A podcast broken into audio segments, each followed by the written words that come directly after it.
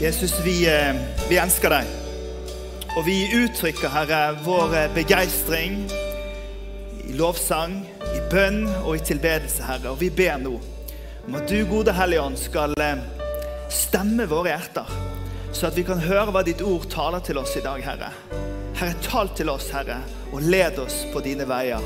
Vi ber i Jesu navn. Amen. Skal vi takke disse?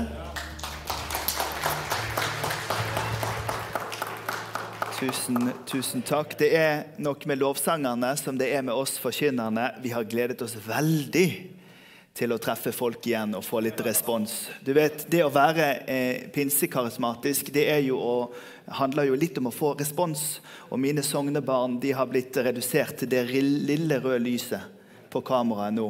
Og jeg er fullstendig utsultet på tilbakemelding eh, og hallelujarop. Så vi får se hvordan dette går. Tusen takk eh, Frank og Ingrid, for muligheten til å få komme til Betel Trondheim eh, igjen. Jeg mener jeg var talte til dere her på, på skjerm litt tidligere i vinter, og så var vi sammen på 100-årsjubileet for et år siden. Og i i går skulle det egentlig vært Led Midt-Norge. Det blir da neste helg, men jeg valgte å komme opp hit og har hatt litt møter rundt omkring i regionen. Og er også glad for å være sammen med dere her i dag. Nå eh, må jeg også bekjenne for dere da at eh, jeg utgir jo meg for å også være på talerstolen i Bergen og tale til min egen menighet i dette øyeblikk. Eh, så hvis dere kan la være å fortelle noen at jeg er her, så er det veldig fint. I hvert fall til utpå dagen. Dette koronaåret, det, det kommer, konsekvensene av det vil vi nok ha med oss lenge, tror jeg. Det her har fått konsekvenser for veldig mange i folket vårt. Og også for menigheten i Norge. Men nå er det ett og et halvt år siden jeg fikk muligheten til å få denne lederrollen, hvor jeg får litt sånn overblikk over det som skjer i landet. Og jeg er, må si det at jeg er svært positivt overrasket over hvordan lokalmenigheter i Norge har håndtert denne eh, pandemien. Når jeg snakker med mine kolleger i andre land, så er det en mye større krise rundt eh, hvor er folkene henne, hvordan skal det gå med oss når dette åpner opp igjen. Eh, I Norge så har vi i stor grad sett at eh, vi har grei dialog med hverandre. Folk har fulgt med på sin egen lokale predikant på Facebooken istedenfor en amerikansk TV-stjerne.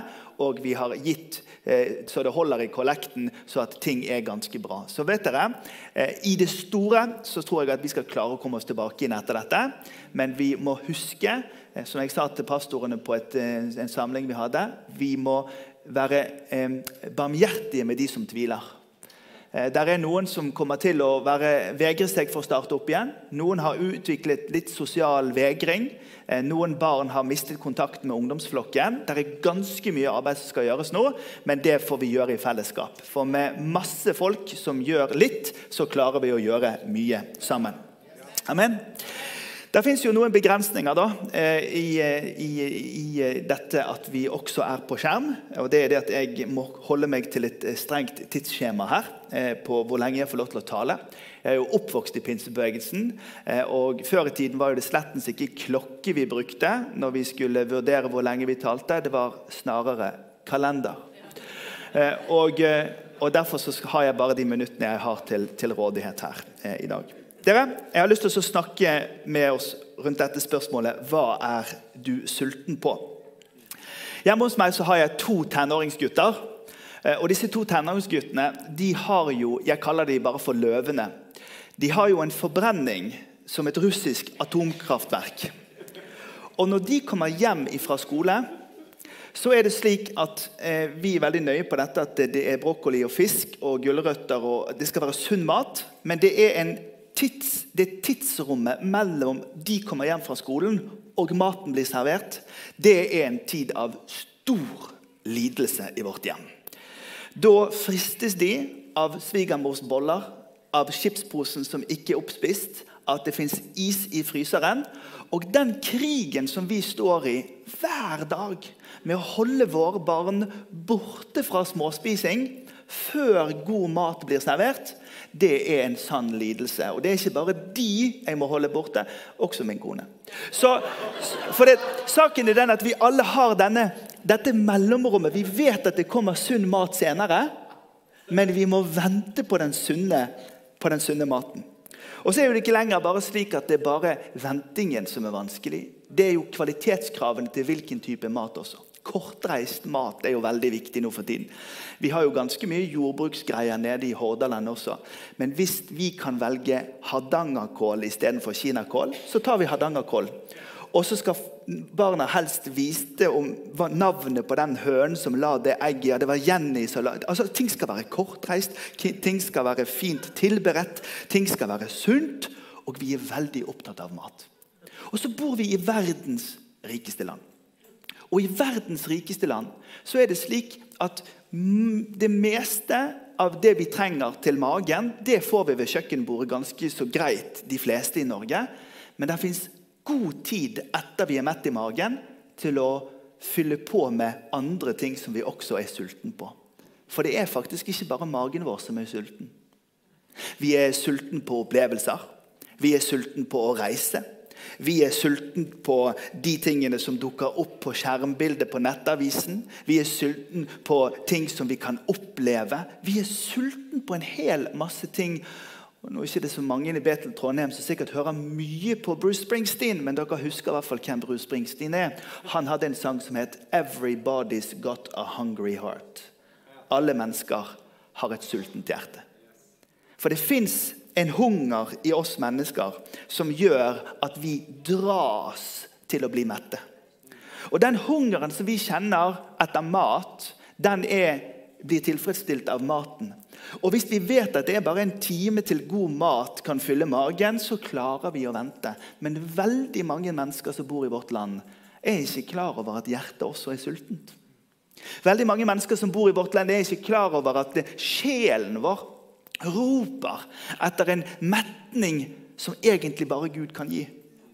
Og Da er det viktig for meg og deg å huske på det at Gud han har skapt oss med en lengsel og en hunger i hjertene våre. Jeg tror jeg tror det at eh, Jesus har rett når han sier at de som hungrer og tørster etter rettferdighet, de skal bli mettet.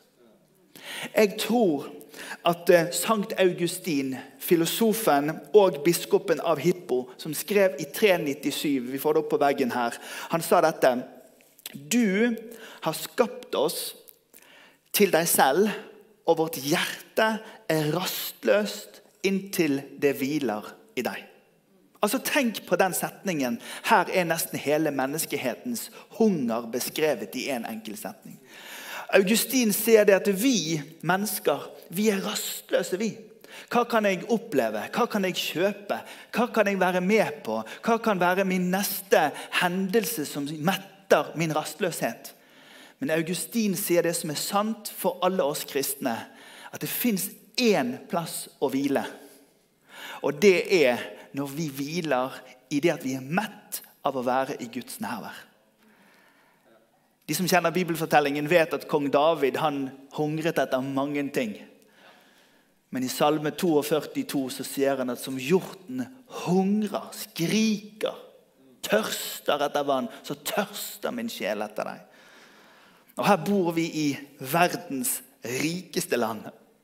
Og så er det så mange ting som du og jeg som kristne også kan mette oss med. Og Den timen mellom middagsforberedelsen og sulten, det er overkommelig. Men når jeg ser at veldig mange av oss istedenfor å rette vår hunger etter Han som er den som kan mette oss, så kjører vi også på med smågodt og snacks og opplevelser. Og Det som jeg har lyst til å gjøre i løpet av disse minuttene vi skal være sammen her i dag, det er å snakke om hvordan tar vi tak i den hungeren som vi har i vårt hjerte. Og hvordan lærer Bibelen oss å finne mettheten vår hos Jesus selv. Vi skal lese fra Johannes evangelium kapittel 6, vers 26-28, hvor det står. Sannelig, jeg sier dere. Dere leter ikke etter meg fordi dere har sett et tegn, men fordi dere har spist av brødene og blitt mette. Arbeid ikke for den maten som forgår, men for den mat som består og gir evig liv. Den menneskesønnen vil gi dere, for på ham har far Gud selv satt sitt tegn. Jesus sier dette i Kapernaum, Dagen etter han har gjort et kjempemirakel. Han har tatt nistepakken til en liten gutt fra Heimdal som kom med fem brød og to fisker. Og så har han gjort det slik at alle de som var samlet med han den dagen, ble mette pga. mirakelet som han gjorde. Og så rettleder Jesus dem med denne teksten. Han korrigerer deres, deres innstilling, og så sier han dere har kommet springende til meg fordi dere ønsker å bli mett i magen. Men det er ikke det som er det hovedpoenget. Hovedpoenget er at dere ser meg. Når jeg leder i bønn i kirken vår, så er jeg veldig opptatt av å si disse ordene.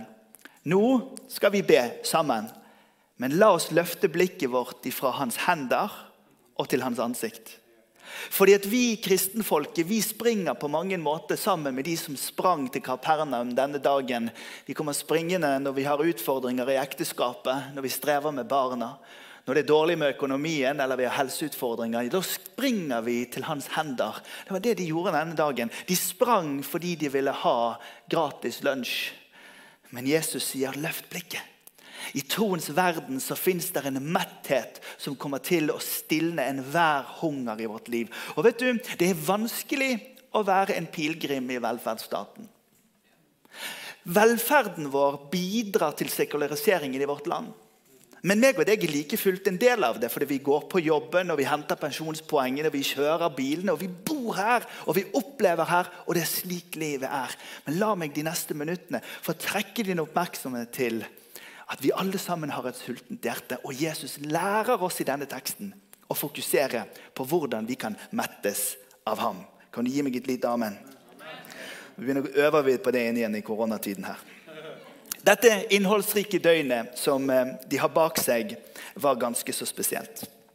5000 menn pluss kvinner og barn, kanskje over 20 000 mennesker, har fått mat fordi at eh, Jesus har mettet dem. Og eh, Johannes, som gir denne beskrivelsen, han sørger for at leseren skal trekke linjene fra Moses og hans under i ørkenen og helt fram til nattverdsbordet som vi feirer i kirkene i, i, i, verden i dag. Så Når Johannes skriver her, så er det for at meg og deg skal dras inn i en lang, lang fortelling, samtidig som vi skal erfare at det skjer i det øyeblikket vi er der.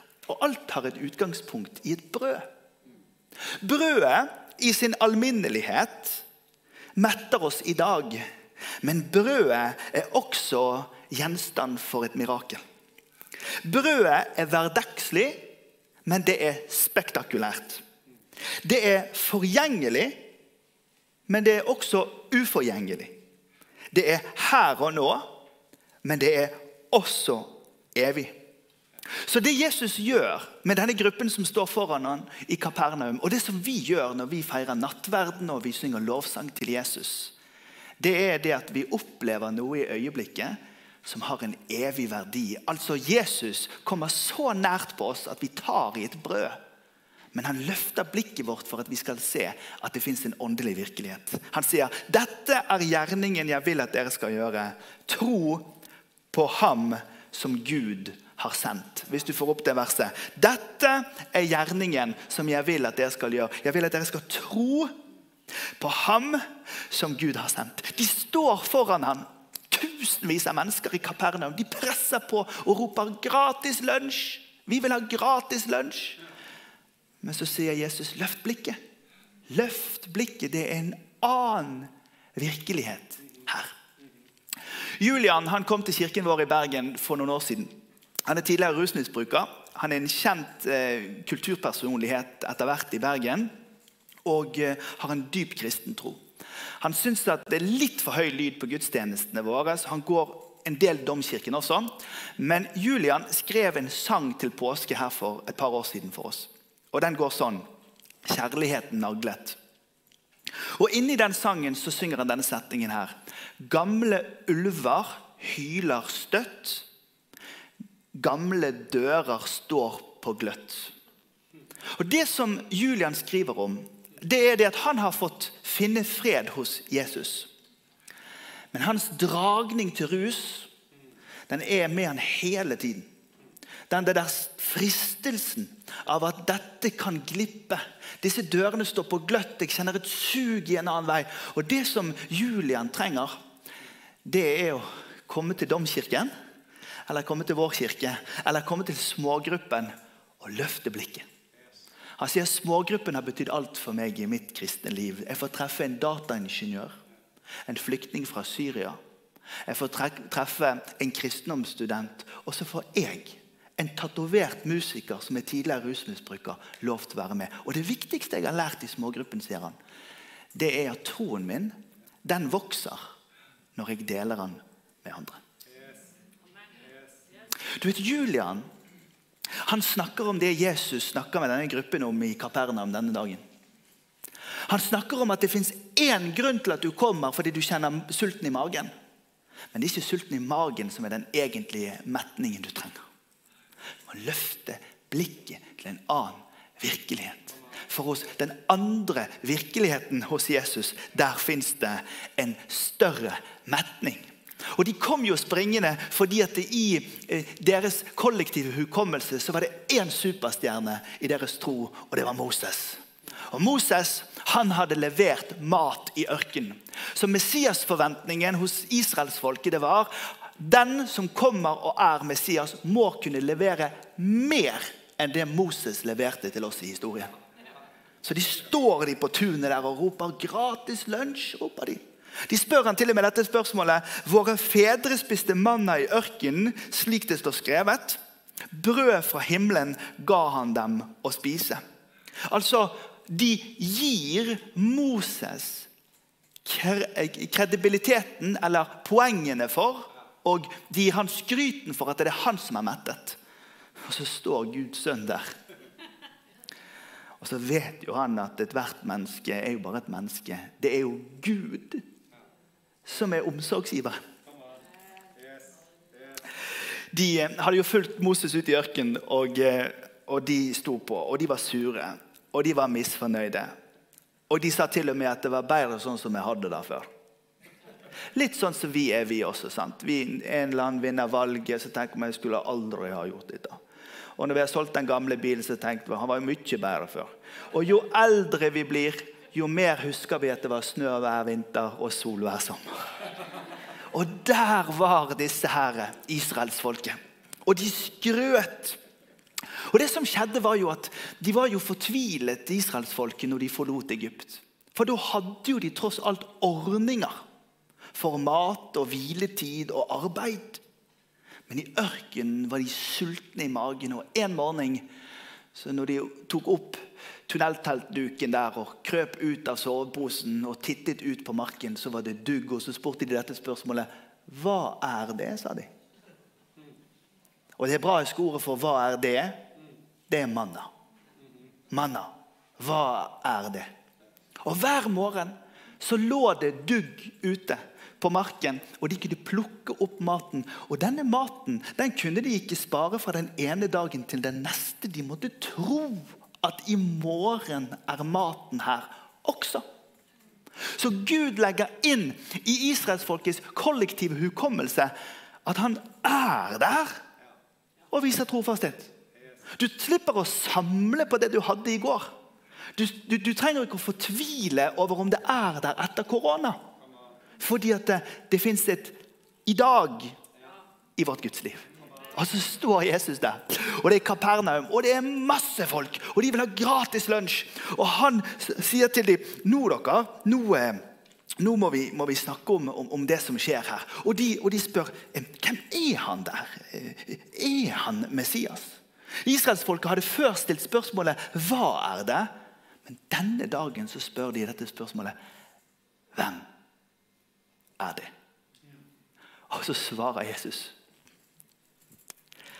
Guds brød er det brødet som kommer ned fra himmelen og gir verden liv.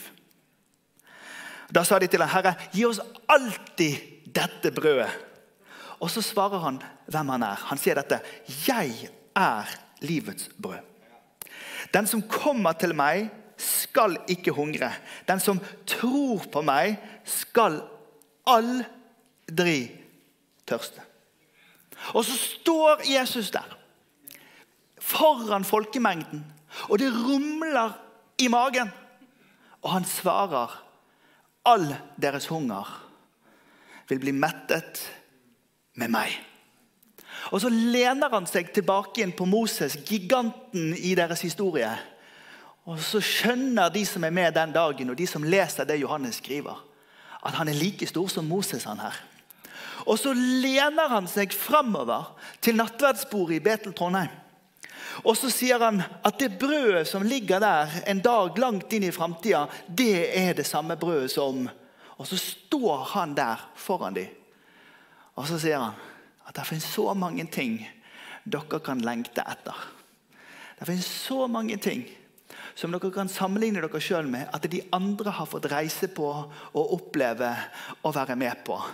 Og Det finnes så mange ting som du kan sveipe og klikke og kjøpe og være med på. Men jeg er livets brød. Dem som har meg, har mettheten for alt. Og ved at han gir oss dette, forteller han oss at vi ikke skal springe etter enhver hunger som dukker opp i vårt liv.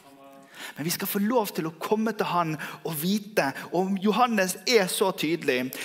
Moses samlet massene, Jesus samlet massene. Han går opp på fjellet, Jesus går opp på fjellet. Det er påske, og det er mangel på brød. Og så løfter han dette brødet opp, og så gir han takk med dette brødet. Og når han gir takken med dette brødet, ja, så skjønner vi at når vi tar del i Han så tar vi del i alt det som vi trenger.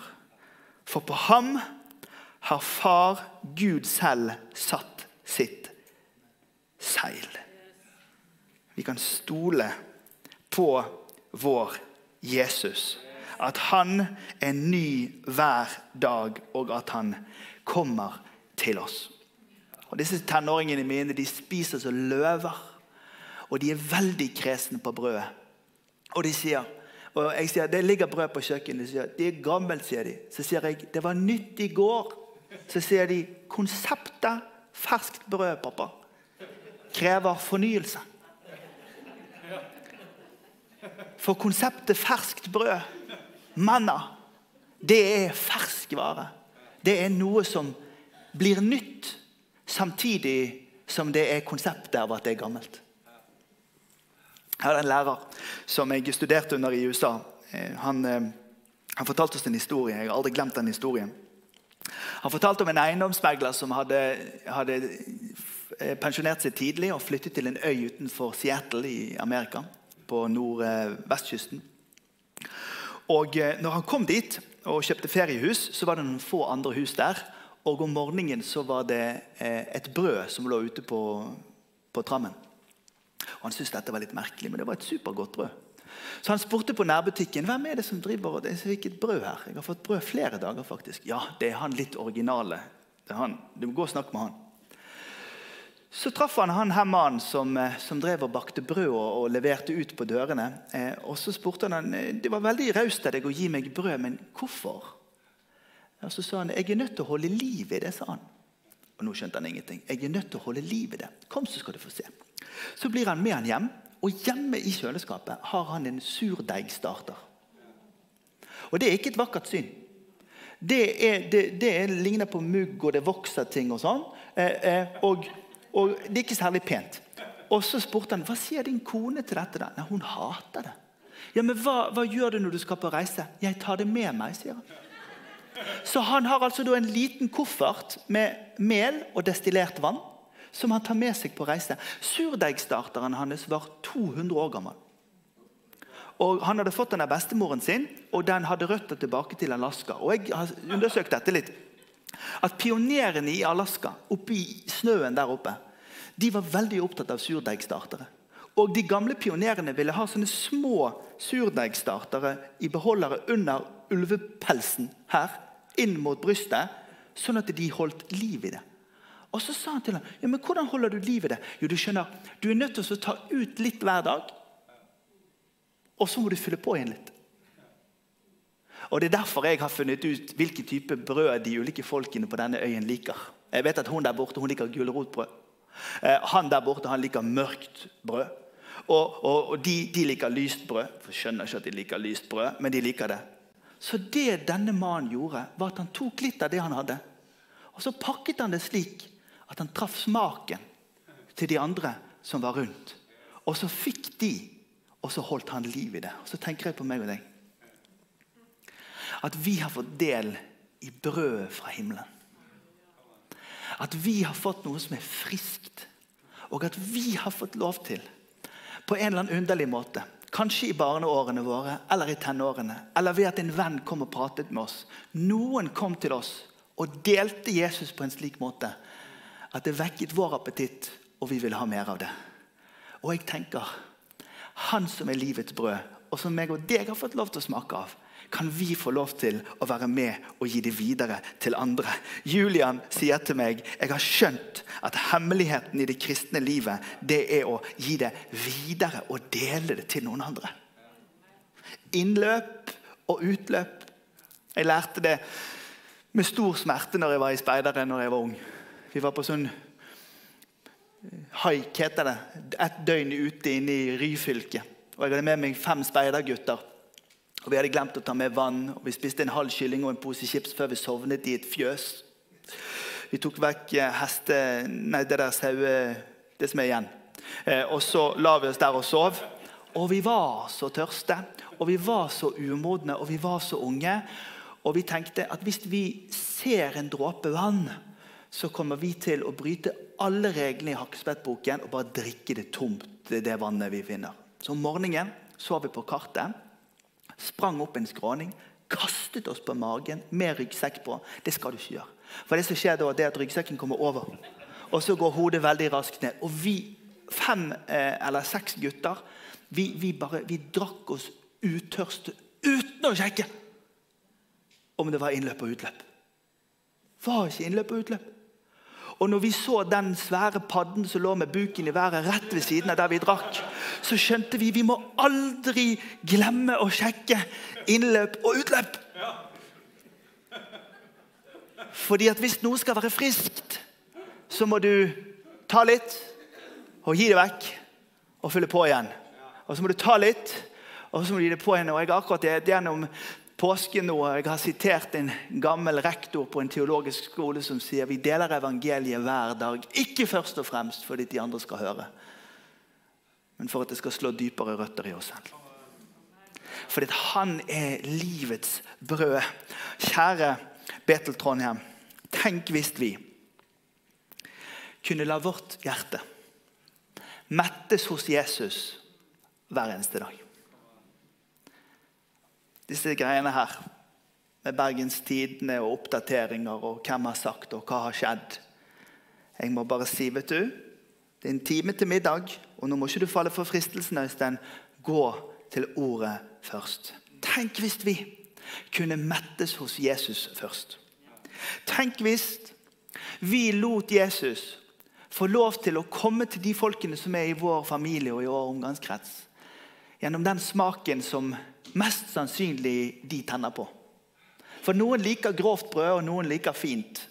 Men Jesus han er det stoffet i alt brødet. Og Så kommer de i litt ulik smak, men han gjør jo alt han kan for i alle fall å vinne noen. Tenk hvis vi kunne la andre mennesker få lov til å smake. Og tenk hvis vi kunne bidra til i verdens rikeste land å løfte blikket ifra de bugnende buffeene av opplevelser og materialisme og erfaringer og alt det gode som dette landet har å by på. Og hjelpe sånn som Julian skjønte. Disse gamle dørene, de, disse, disse, gamle ulvene, de roper jo støtt, men, men løfte blikket. Og Det er derfor Jesus sier mot slutten av denne, dette kapitlet, og Johannes sier det så glimrende før vi ber sammen De ordene jeg har talt til dere, de ånd og liv. Brødet er der, men det er ånd og liv. For vi er helt for brødet, for det er her vi lever, men det er ånd og liv. Skal vi be sammen? Herre, vi takker deg for dette ordet om at du er livets brød. Og Jesus, vi reiser oss opp som troende, og så sier vi til deg, Herre, at vi tror det. Vi tror at du vil mette ethvert sultent hjerte. Vi tror at du er svaret for enhver, rik og fattig, høyt utdanna og praktiker og uutdanna. Folk som er migranter, og folk som er isolert i sine herskapsboliger. Herre, du gjør ikke forskjell på folk, fordi du metter oss alle. Og jeg ber deg, Jesus Kristus, for oss i Betel og for alle som følger med på denne sendingen. Herre, at vi skal lære det. At du taler til oss og gir oss ånd og liv. Ikke for å fjerne oss fra denne verden, men for å vise at det er i dette livet, med brødet, med hverdagen, med virkeligheten, at vår tro skal få lov til å utarte seg. Herre, led oss ikke inn i fristelse. Frels oss for alt som er vondt, Herre. For dette riket, det er ditt. Dette usynlige riket, det er ditt. Og makten og æren, den er din i evighet, Herre. Vi priser deg for det i Jesu navn. Amen.